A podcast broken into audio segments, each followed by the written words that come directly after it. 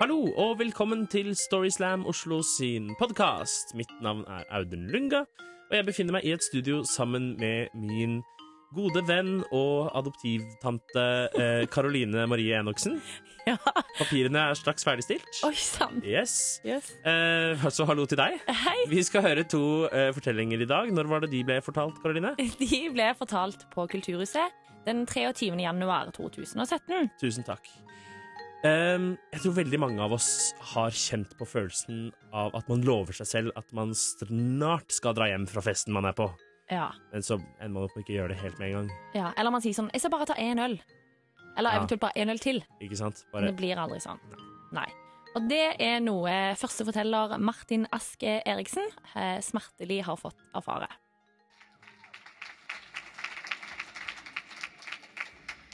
Jeg skal fortelle dere om en, eh, en dag i livet mitt. Jeg var 17 år.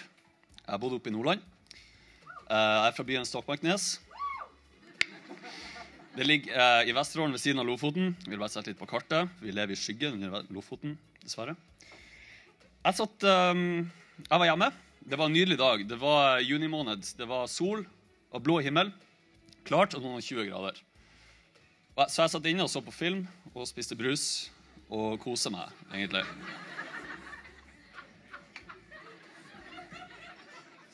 Så ringte en kompis av meg, Levi, så sier han du, jeg skal på en husfest i Breivika. Har du lyst til å bli med meg? Og eh, da sa jeg ja, ja, OK. Tre-fire ja, tre, øl på en, på en husfest, det høres koselig ut. Og i forhold til Stokmarknes så bor jeg da litt sånn øst, sånn, sånn Østre Gokk, for den byen. Og jeg skulle til Vestre Gokk eh, på, på festen her. Så jeg spurte faren min du, jeg skal på en husfest, gidder du å kjøre meg. Så sier faren min at ehm, ja, ja, OK, greit, men, eh, men ikke vær for lenge oppe, for jeg har en overraskelse til deg i morgen. Det var da em, en lørdag. Han kjørte meg til festen. Jeg kom inn, jeg møtte kompisen min Levi. Vi catcha opp, det var en stund siden sist. Eh, var, vi var alle en gjeng 17-åringer som satt der. Foreldrene til noen var borte, så der hadde vi et koselig hus for oss sjøl å sitte og hygge oss på. Vi begynner å drikke øl. De går ned. De blir der, akkurat sånn som det skal være. Så kommer det til et punkt Så husker jeg det faren min sa at jeg ikke måtte være så lenge ute. Så tenkte jeg ok, nå er det på tide å Etter jeg har drukket mine fire øl og litt mer, så kom jeg på at ja, nå er det på tide å drikke litt vann. Så da går jeg bort for å uh, finne meg litt vann i vasken. Og dere vet når dere er på besøk hos noen, og hvis dere ser at vasken er full av kasseroller og panne og fett og matrester og bare det, det, det gikk opp til vasken. Jeg hadde ikke lyst til å røre det der for alt i verden. Så tenkte jeg ok, greit, det blir ikke vann. Da finner jeg noe i kjøleskapet. Åpner jeg kjøleskapet, og blant alle liksom ølene og sideren og sånn, så ser jeg Imsdal-flaske. Så tenker jeg yes! Så jeg bøtta ned.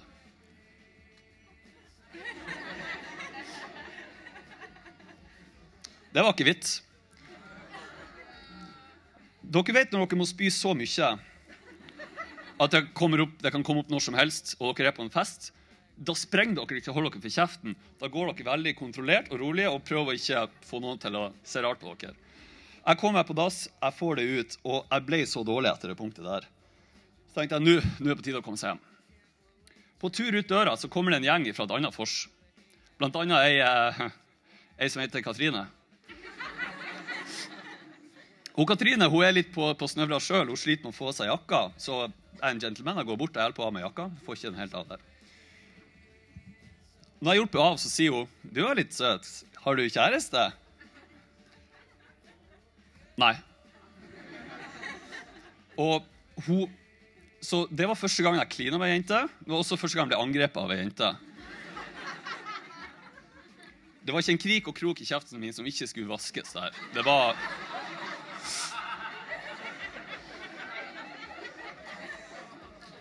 Og jeg snusa jo ikke, og da kom jeg litt på hvorfor. For dæven, hun hadde dårlig ånde i tillegg. Så um, like før jeg hadde gått og møtt dem, så hadde jeg tatt noen halsdrops i lomma, for jeg, hadde jo forferdelig smak i kjeften sjøl. Så jeg får litt bedre smak. Og like etter vi var ferdigklina, så tok jeg opp og sa 'Vil du ha drops?' Veldig lite smooth. Igjen, jeg var 17. Det var bare, jeg ville ikke skjule motivene engang. Jeg bare her. Og så skal jeg på tur ut, da, så kommer han Levi med noe liksom stort i genseren og sier han, 'Martin, jeg har noe her'. Og sier jeg, 'Hva er det for noe?' Så sier han, 'Jeg fant en vannmelon'. Og så sier jeg, for jeg var driting sjøl, sier jeg, 'Levi, du kan ikke ta den fram her. Vi må, vi må Så vi gikk inn på badet, og der satt jeg og Levi og spiste en halv svær vannmelon sammen. Vi var ganske sultne på det punktet. Um, Tida gikk, og hele gjengen der vi var i huset, ble sulten. Så vi begynte å gå imot sentrum, fra Vestregokk mot sentrum. da, sånn par kilometer. Det var midnattssol. Det her var sånn i tretida på natta. Så den er ikke på den sida, himmelen er på den sida. Vi går, vi får oss en burger, og på det punktet så er jeg så full. Jeg merker ikke at det er eh, dressing på den hamburgeren, noe jeg hater. Så jeg fortærer hele greia som at det ikke var noe. Så jeg, ja, ok, Sånn skal jeg si ha til folk. Og så hører jeg 'Martin!' Og så ser jeg i en bil midt i veien Jeg husker ikke navnet på men jeg jobba med henne på Specsavers på den tida. Hun var veldig søt, eh, to år eldre enn meg.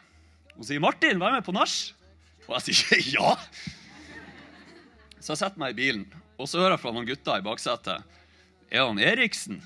Og da er det noen venner av storesøstera mi som på det punktet var 23 år. Så seks år eldre enn meg på det punktet.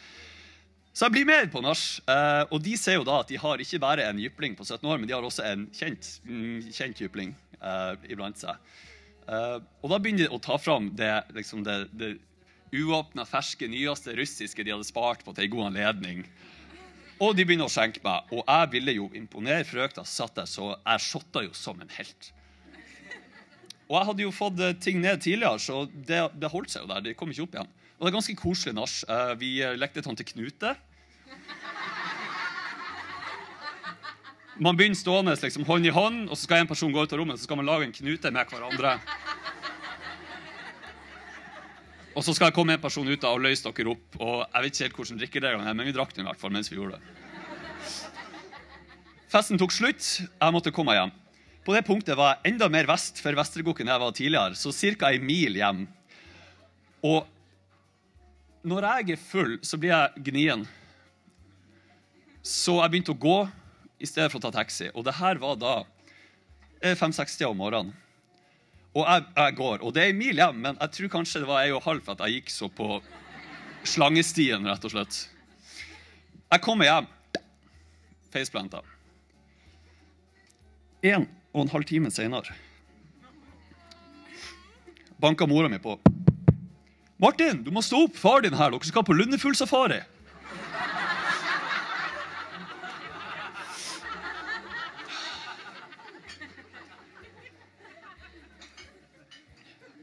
Og så Mora mi hjalp meg å, å finne fram klær til meg, for at hun så jeg ikke var i stand til Jeg var, jeg var enda dritings på det punktet der. Så spurte meg, det her husker jeg ikke om hun fortalte til meg, hun, hun spurte meg hvor er shortsen din Og så sier jeg den er i kjøleskapet. Så jeg kommer meg i bilen og jeg sitter med faren min. Og da var vi klare til å kjøre to og en halv time på en solskinnsdag. Det var sol, det var noen 20 grader. Det verste været når du er hungover. Det aller verste været. Og jeg har briller i tillegg, så jeg kunne ikke ha solbriller. Så det lyser der. Det var, helt forferdelig. Vi sitter i bilen, og det er um, Bortsett fra en liten pitstop på en time hvor jeg bare måtte sitte og Åh. Så kom vi fram uh, um, til, til båten vi skulle ut på. Og uansett hvor fint vær det er, så er det alltid litt sånn småbølger på havet. Så det skvulpa her, det skvulpa rundt meg, og der satt jeg. Og faren min sa til meg nå må du ta frem kameraet, Martin, for nå har vi kommet til den utkikksposten. Så jeg sier oh, ok. Så jeg setter kameraet på en tusendels lukkertid. Jeg setter den i sportsmodus og jeg røyser meg og setter 400 mm min på fullt. Og jeg begynner.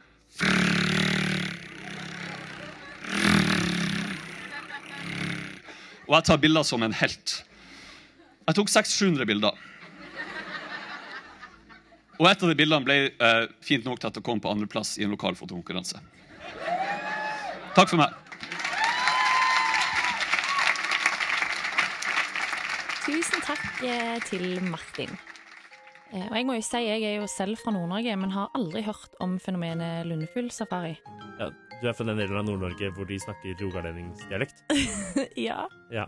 Ok, Hvilken del av Nord-Norge er det? fra Harstad. Ja. Som alle kan høre, så er Karoline fra Harstad. Ja, men det på en måte er jo et resultat av å være eh, militære barn. Ja. Ja. Men det er en annen historie. Det er en annen Ja, historie. kanskje vi skal ta den på Storyslam en gang. Kanskje det. Ja. Eh, men apropos militære og uniform. Har du, Karoline, en greie for menn i uniform? Ja. Søppeltømmere og parkeringsvakter? Og postmenn. En greie for uniform, for folk i uniform, det har også Silje Urke Antonsen.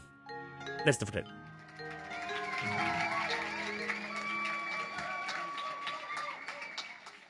Jeg har en eh, greie mm, for menn i uniform. Jeg har også en greie for eh, damer i uniform. Og greia er at jeg blir livredd. Jeg blir så redd, og min største forsvarsmekanisme er humor. Og det er noe med disse her folka med uniform som de har en sånn forventa autoritet, som gjør at jeg blir så redd for at de skal ta meg for å være skyldig i noe som jeg er uskyldig i. Og når jeg møter disse folka med uniform, så er det bare sånn kroppen min har en reaksjon for å liksom bare pøse ut masse teite ting, og jeg driver og bygger en sånn humorvegg for at alt bare skal være morsomt og vi skal komme oss ut av situasjonen. Som ikke alltid går like bra. Og dette her gjelder alle former for alle former for en uniform. Det kan være han som sitter i kassa på butikken på Kiwi. Og jeg skal kjøpe øl. Og jeg er fullt klar over at det er åtte år siden jeg hadde lov til å kjøpe min første øl på butikken. Men allikevel så er det som en liksom, Hver gang jeg skal kjøpe øl, så er det som en audition. At jeg må bort, og jeg må ligne som ei pokker på dette bildet på bankkortet mitt. For jeg er så redd for at hun skal ta meg i og ikke være gammel nok, selv om jeg veit hvor gammel jeg er. og det er kjempeteit. Og så når du er på Claes Olsson og for skal kjøpe reisesokker, eller, eller, et eller annet, og så står han jækla vekteren med liksom kassa, og han ser at jeg er betalt, og jeg er fullt klar over at jeg er betalt for disse reisesokkene mine. Men allikevel, når jeg skal gå forbi han, så stirrer jeg han i øynene, og så begynner jeg å plystre. Og jeg kan til og med finne på å vise jakka mi at jeg ikke har noe under det. For jeg er så redd for å bli tatt at jeg gjør så mye ut av situasjonen at jeg ser så skyldig ut.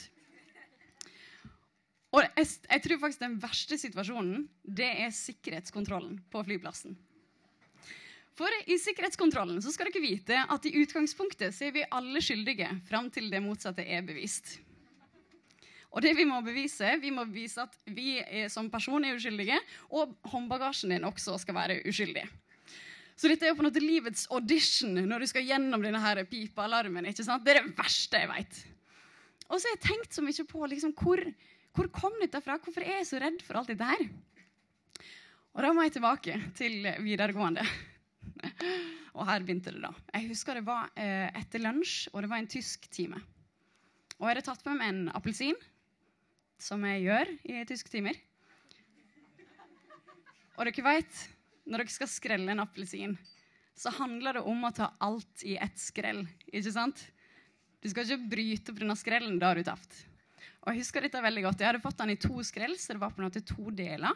Så legger du dette i en kopp, sånn at du også kan legge dette hvite som er på appelsinbåtene, oppi dette her. Mm -hmm. Publikum kjenner seg igjen! Yes, ok. Og så neste time, og da braser rektor inn i klasserommet og sier Silje! Er hun Silje her? Å, herregud, hva er, det, hva er det for noe? Og Jeg ble tatt ut på gangen, og da ble jeg konfrontert med at eh, jeg hadde forsøpla hele klasserommet. Og jeg tenkte søren, jeg glemte jo å rydde opp dette appelsinskallet. Jeg gjorde jo det. Og vi går mot klasserommet, og det var oppstandelse. Det var det, var, det, var det mest forsøpla klasserommet han hadde sett i hele sitt liv. Det var, hele klasserommet var fullt av appelsiner. Det var ikke mulig å gå inn i klasserommet. Det var så mye appelsiner der inne. Jeg bare, å herregud. da følte jeg meg for første gang på en måte dømt skyldig, selv om jeg var uskyldig. Og det var så mye appelsiner der at det var, det var han han fikk ikke til å åpne døra inn til klasserommet engang. Så mye appelsiner var det. Selv om det var utover dør. Så klart, det var en masse graver for appelsiner. Disse hvite appelsiner. Det var helt forferdelig. Og jeg tror dette var siste gangen jeg tok autoritære folk. Altså, Jeg klarte ikke å ta dem seriøst lenger. Og, eh, men allikevel så føler jeg at hver gang en eller annen form for uniform, så er jeg på audition og må bevise at jeg er uskyldig. Som sagt, i sikkerhetskontrollen. Dette her var en sommer eh, da jeg hadde fått sminketips av ei venninne. Eh, om at eh, på sommeren så trenger ikke du så mye sminke. Du kan bare bruke babypulver. Så jeg hadde med meg babypulver i håndbagasjen og skulle ut på reise. Og det begynner jo da eh, ved at eh, vi legger på bagasje og alt greit, og, hun spør da selvfølgelig ingenting flytende.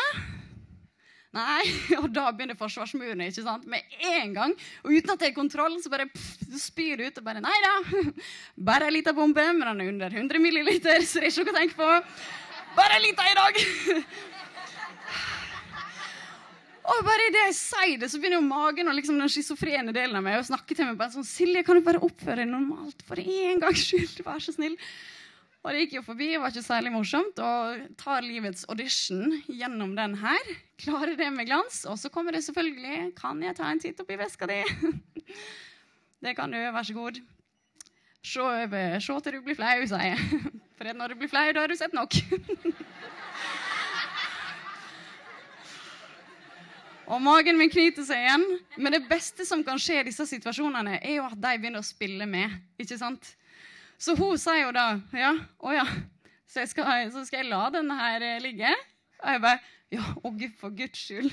Og det er kø, ikke sant? Jeg bare, for guds skyld, kan du la den ligge? Det hadde vært litt flaut. Takk, takk skal du ha. Takk skal du ha. Ja, lar vi den ligge. Og jeg ble så fornøyd. Og jeg bare, herregud, kunne alle bare mennesker vært som henne?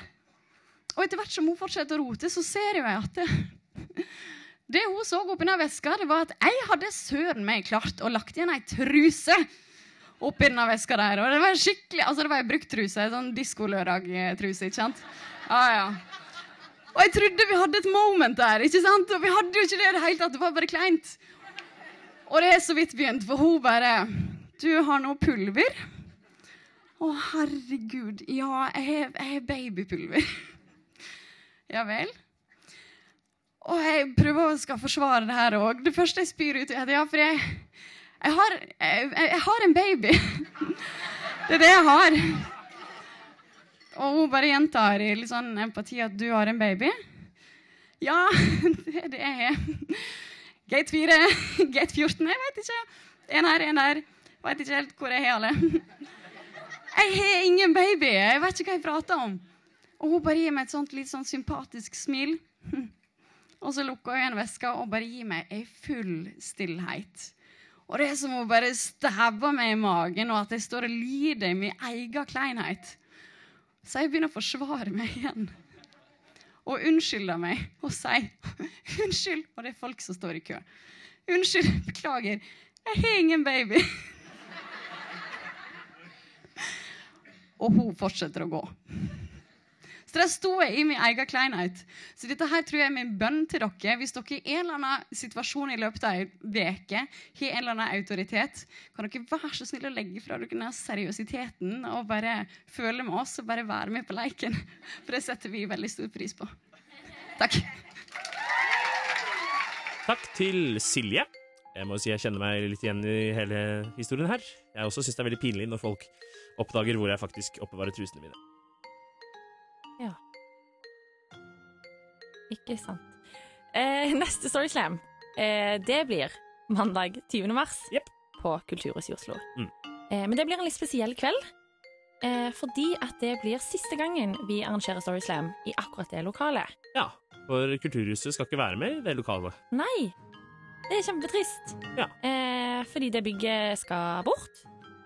Det skal bygges noe nytt der. Absolutt. Olav Thon. Noe hotell, kanskje. Det blir spennende å se. Ja, det blir spennende å se. Men eh, de skal videre i midlertidige lokaler. Og vi skal være med. Ja, så det blir bra. Og mer informasjon om dette kommer selvsagt på våre Facebook-sider eh, og når vi legger ut neste arrangement. Mm. Mm.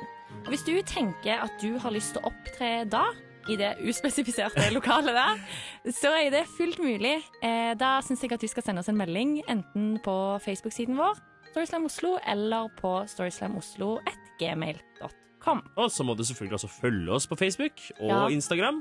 Og like. Yes, like alt vi gjør, og og følg og ja. Eh, finn ut hvor vi bor, og følg oss eh, personlig, mener jeg. Ja da. Det, vi vil ha så mange følgere som mulig på alle mulige måter. Ja. Hverdagslivet, livet, det reelle livet, er jo også på en måte et sosialt medium. Ja, nettopp. Der ser du. Og med den dype Mhm. eh, anekdoten der, så tenker jeg at vi sier Takk for for oss.